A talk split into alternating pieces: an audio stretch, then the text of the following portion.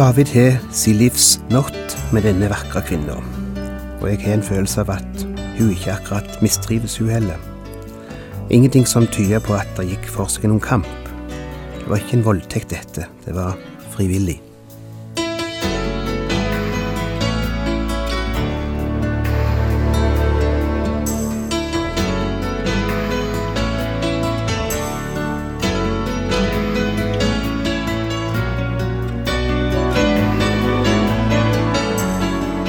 Hjertelig velkommen til et nytt program i serien Vindu mot livet.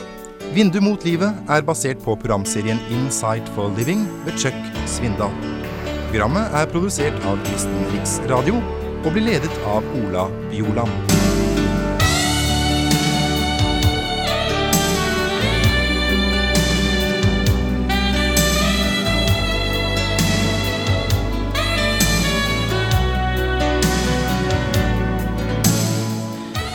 David ligger på rommet sitt og får ikke sove.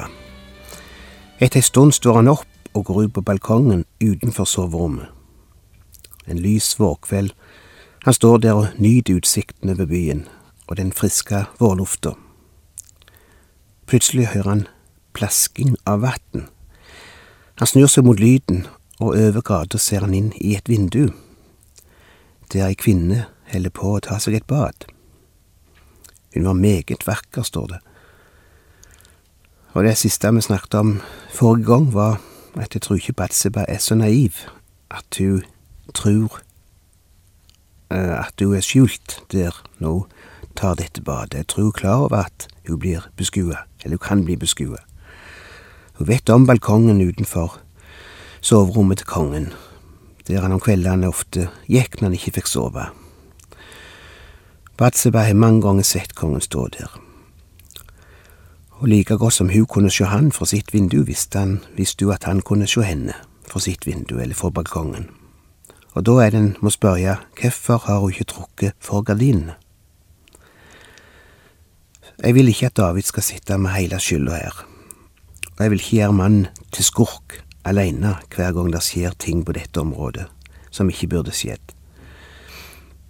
Det kan nok hende at mange ting kunne vært unngått hvis en ikke utfordra og provoserte fram mange situasjoner. David står iallfall der på verandaen og ser. Kanskje ufrivillig har han dumpa oppi dette, men det som sier videre, er ikke ufrivillig, for han fortsetter å sjå. Jeg sier ikke at alle vi andre ville handle annerledes enn David gjør, at vi ville latt være å sjå. Det er derfor jeg ikke klarer å moralisere så voldsomt overfor David, selv om det han nå gjør galt. Men du, hvor menneskelig det likevel er, og hvor kjent. Vi leser for vers tre. David sendte bud og spurte seg for om kvinnen. Han fikk til svar at det var Batseba, datter av Eliam og konen til hetitten Uria. Tjeneren som kommer tilbake med informasjon, sier kvinna heter Batseba, og hun er datter av Eliam. Og så legger han til og kona til Uria. Det er som man vil si, jenta er gift, David. Jeg har en følelse av at tjeneren forstår hva David planlegger nå. Og han vet nok hva som er Davids svakhet og hans forhold til damer generelt, hans forhold til sitt harem, sine mange kvinner i livet. Og han aner hva David har i tankene nå, han sier David, hun er gift, hun er kona til Uria, en av soldatene dine. Men i dette øyeblikk har David mista kontrollen over seg sjøl, og han hører ikke på sånne ting. Han tar seg ikke tid til å tenke gjennom verken moral eller konsekvenser. Han handla umiddelbart slik som det står i for vers fire. David sendte folk og hentet henne, og da hun kom til ham, lå han med henne. Hun hadde nettopp renset seg etter at hun hadde vært uren. Siden gikk hun hjem igjen. Hvor åpen og rett på sak Bibelen er når en beskriver livet, og de menneskene som Gud har utvalgt seg. Jeg skal prøve å ikke dvele unødig med dette, men vi ville være naive hvis vi påsto at David hadde det vondt denne natta. Nei, han hadde det ikke vondt. Ikke da. Han fikk det vondt seinere, men ikke da. Vi skal ikke legge skjul på at det er en nytelse i det David gjør. Og vi skal ikke prøve å nekte for at forbuden frukt smaker best. Og David har sin livsnort med denne vakre kvinna, og jeg har en følelse av at hun ikke akkurat mistrives, hun heller. Det er ikke noe som tyder på at det foregikk en kamp. Det var ikke noe voldtekt, dette. Det var frivillig. Men som hebreerne sier, syndens nytelse er forbigående, eller noe i den duren. Og jammen skulle David få sanna det. For denne private gleda fikk ikke vare lenge. Etter bare noen veker oppdager hun jeg er gravid. Vers fem. Kvinnen var blitt med barn. Hun sendte bud til David med det ord, Jeg skal ha barn. Du ser, djevelen forteller aldri om konsekvensene når han frister. Han presenterer oss for et nydelig menneske, kanskje, en fin kropp, og vifter med fristende løfter om nydelse og eventyr og søte frukter, prøver å overbevise om at det er alt. Han sier aldri noe om det som kommer etterpå. Han viser aldri regningen. Ja, og etterpå gjør han det, men ikke mens han prøver å få oss til å kjøpe varen. Djevelen ville vært en genial selger. Han forteller aldri til drankeren i morgen vil du få blå mandag, for eksempel, eller du eh, vil komme til å få øyelagt heimen din. Han forteller aldri til den som sitter med ei narkotikasprøyte, i morgen vil suget bli enda større og en overdose kan være dødelig. Han sier aldri til, til tjuven du kommer til å bli tatt, min venn. Han forteller aldri en som holder på å begå utroskap, du vet vel at hun kan bli gravid. Nei, slike facts heller han skjult bak ryggen, og så heller han den fine vara fram for oss og sier, har du lyst på henne eller på dette, vi snakker ikke om prisen. Det er ikke så nøye, sier han. David, jeg er gravid, er beskjeden Batseba sender til slottet. Og nå står David framfor et nytt valg, en ny fristelse. Og nå er det ikke det søte og forlokkende som utgjør fristelsen, men nå er det hvordan han kan komme seg ut av det vonde, ut av konsekvensene.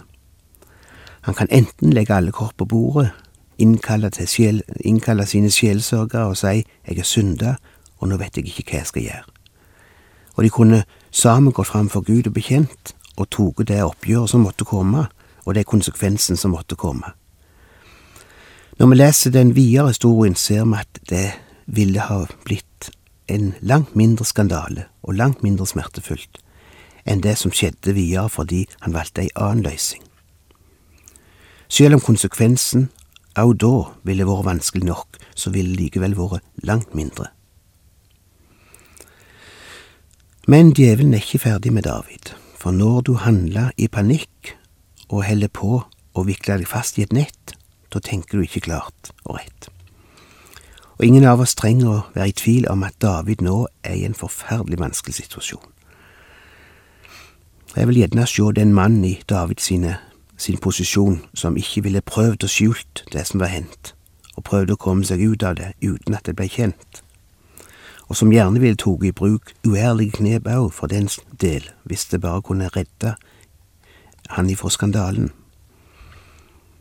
Bare prøv å tenke deg inn i situasjonen. Det første de fleste av oss ville tenke, var hvordan skal jeg komme meg ut av dette, hvordan kan jeg skjule skandalen? Og David tenker Dama skal ha barn. Hva gjør jeg nå? og han velger den andre mulige løsningen, som de fleste ville valgt, å skjule konsekvensen, skjule synden, og prøve å finne en utflukt. Og den løsning som var innen rekkevidde for David på den tida, var ikke å ta bort, men vi leser hva løsningen gikk ut på. Da sendte David bud til Joab. La hetitten Uria komme hit til meg. Og Joab sendte Uria til David.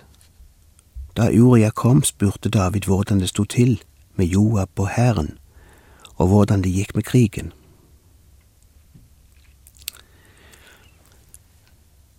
Men akkurat nå er det ikke noe som interesserer David mindre enn både Joab og krigen. Dette er bare falsk prat. Hans sinn er fylt av helt andre ting nå. Og det er vel heller ikke så rart, for nå er David virkelig kommet ut og kjøre. Vers åtte. Så sa han til ham, gå nå hjem, altså David sa til Uria, gå nå hjem og vask dine føtter. Og da Uria gikk ut av kongsgården, ble det sendt en gave for kongen etter ham. Men Uria la seg i porten til kongsgården sammen med alle kongens tjenere, og han gikk ikke hjem til huset sitt. Prøv å sette deg inn i Davids sko nå. Han våkner opp neste morgen, prøver å åpne døra eller porten ut av huset sitt, men kan ikke riktig få den opp, for der utenfor ligger en gjeng soldater, og en av dem er Uria. Han har ikke engang vært hjemme den natta, sånn som David hadde planlagt. Hele planen er mislykka. Planen var selvsagt at han skulle gå hjem og være sammen med kona si, Batseba, og ingen utenom Batseba sjøl og David ville visst at barnet ikke var Uria sitt eget barn. Men Uria var en trufast soldat som ikke hadde samvittighet til å ligge, ligge hjemme i senga mens hans medsoldater blødde på slagmarka. Han var på post, Uria. Dette var ikke tid til å ta ekstrapermisjon. Derfor søv han sammen med de andre soldatene som var på vakt utenfor slottet. Vers 10 Da David fikk vite at Uria ikke hadde gått hjem, sa han til ham, Har du ikke vært på reise, hvorfor har du ikke gått hjem til ditt eget hus? Uria svarte David, Israelittene og judeerne er i felten, og paktkisten med. Joab, herren min, og kongens menn ligger i leir ute på åpen mark. Skulle da jeg gå hjem og spise og drikke og ligge med min kone? Ved ditt liv, så sant du lever, det gjør jeg ikke. Å, dette må ha skjært David i hans samvittighet. Gjett om han er kjent skylda stikka inn i seg over å høre disse ordene. Men tydeligvis ikke nok til å få han til å snu, for vi leser videre. Da sa David til Uria, Bli her i dag også, i morgen sender jeg deg av sted igjen. Så ble Uria i Jerusalem den dagen og dagen etter. David kalte ham til seg og spiste og drakk sammen med ham, så han ble drukken. Men om kvelden gikk han og la seg på plassen sin sammen med kongens tjenere. Hjem til huset sitt gikk han ikke. Der raug det siste halmstrå. Nå har kongen virkelig fått panikk. Han holder på å bli dreven for forstand av frykt for å bli avslørt. Han er klart å stjele ei kone, men han er ikke klart å manipulere en ærlig og pliktoppfyllende mann til å handle imot sin samvittighet. Endog ikke når han er full, lar han seg lokke, denne tapre krigeren, lokka til å svikte sin post. Så leser vi hva som skjer videre, og det er så tragisk, så tragisk.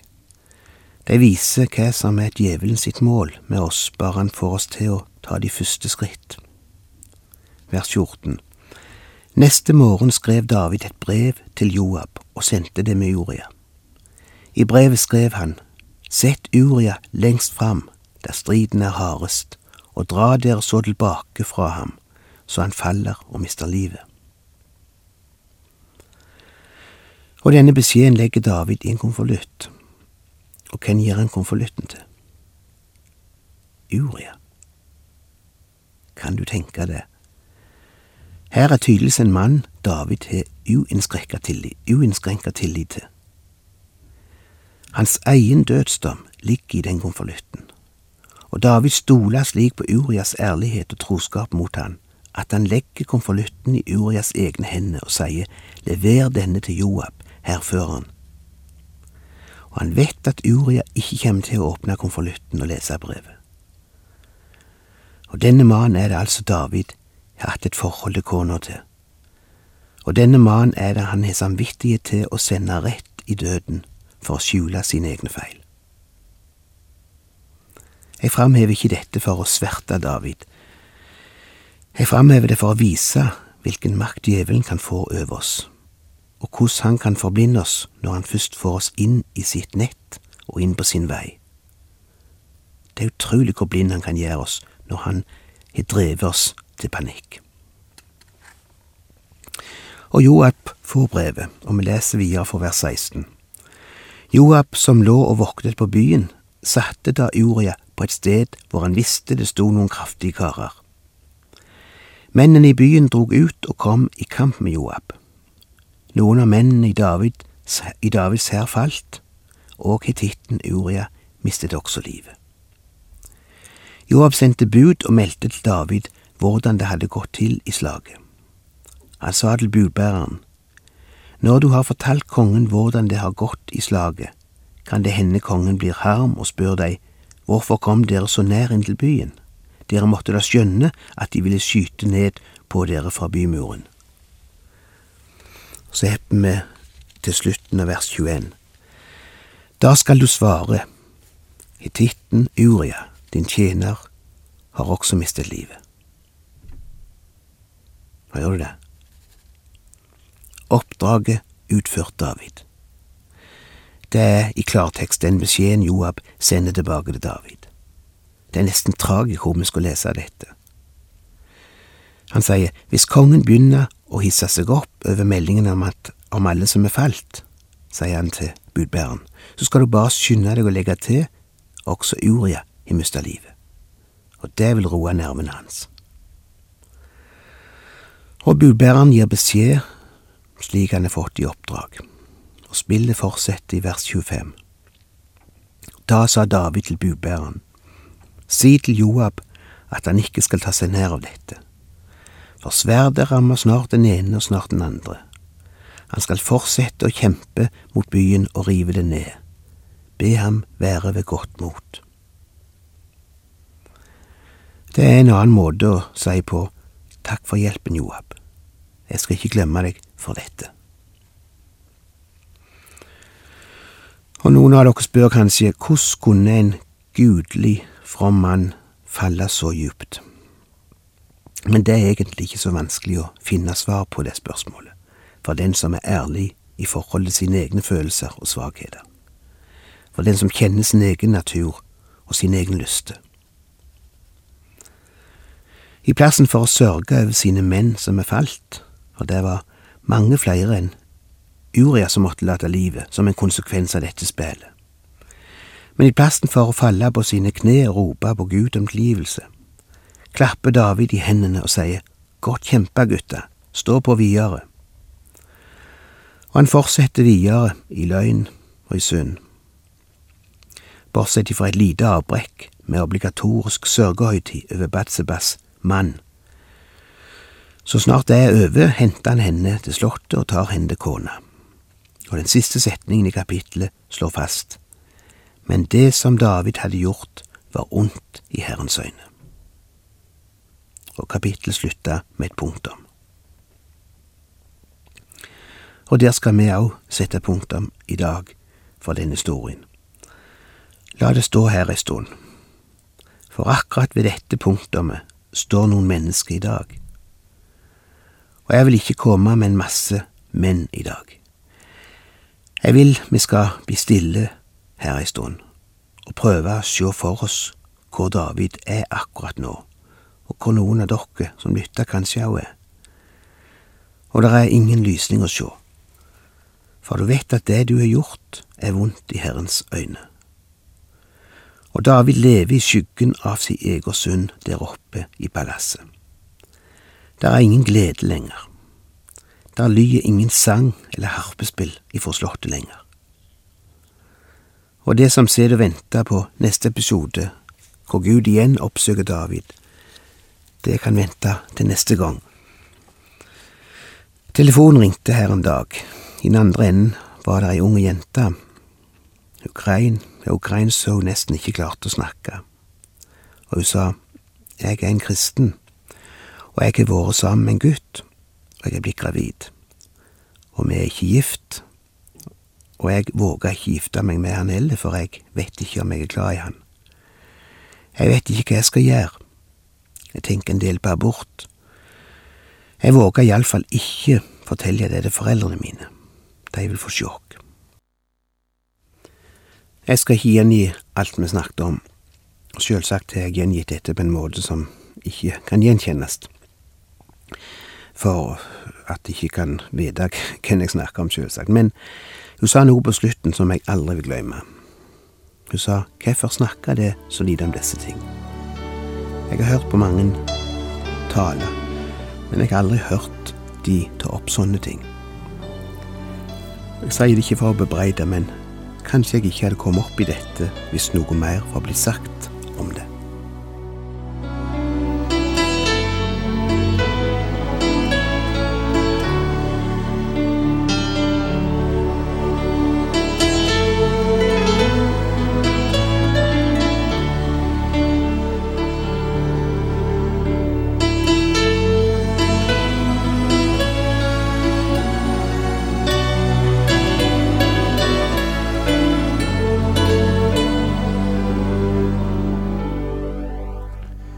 Du har lytta til Ola Bjoland i serien 'Vindu mot livet' fra Kristen Riksradios arkiv.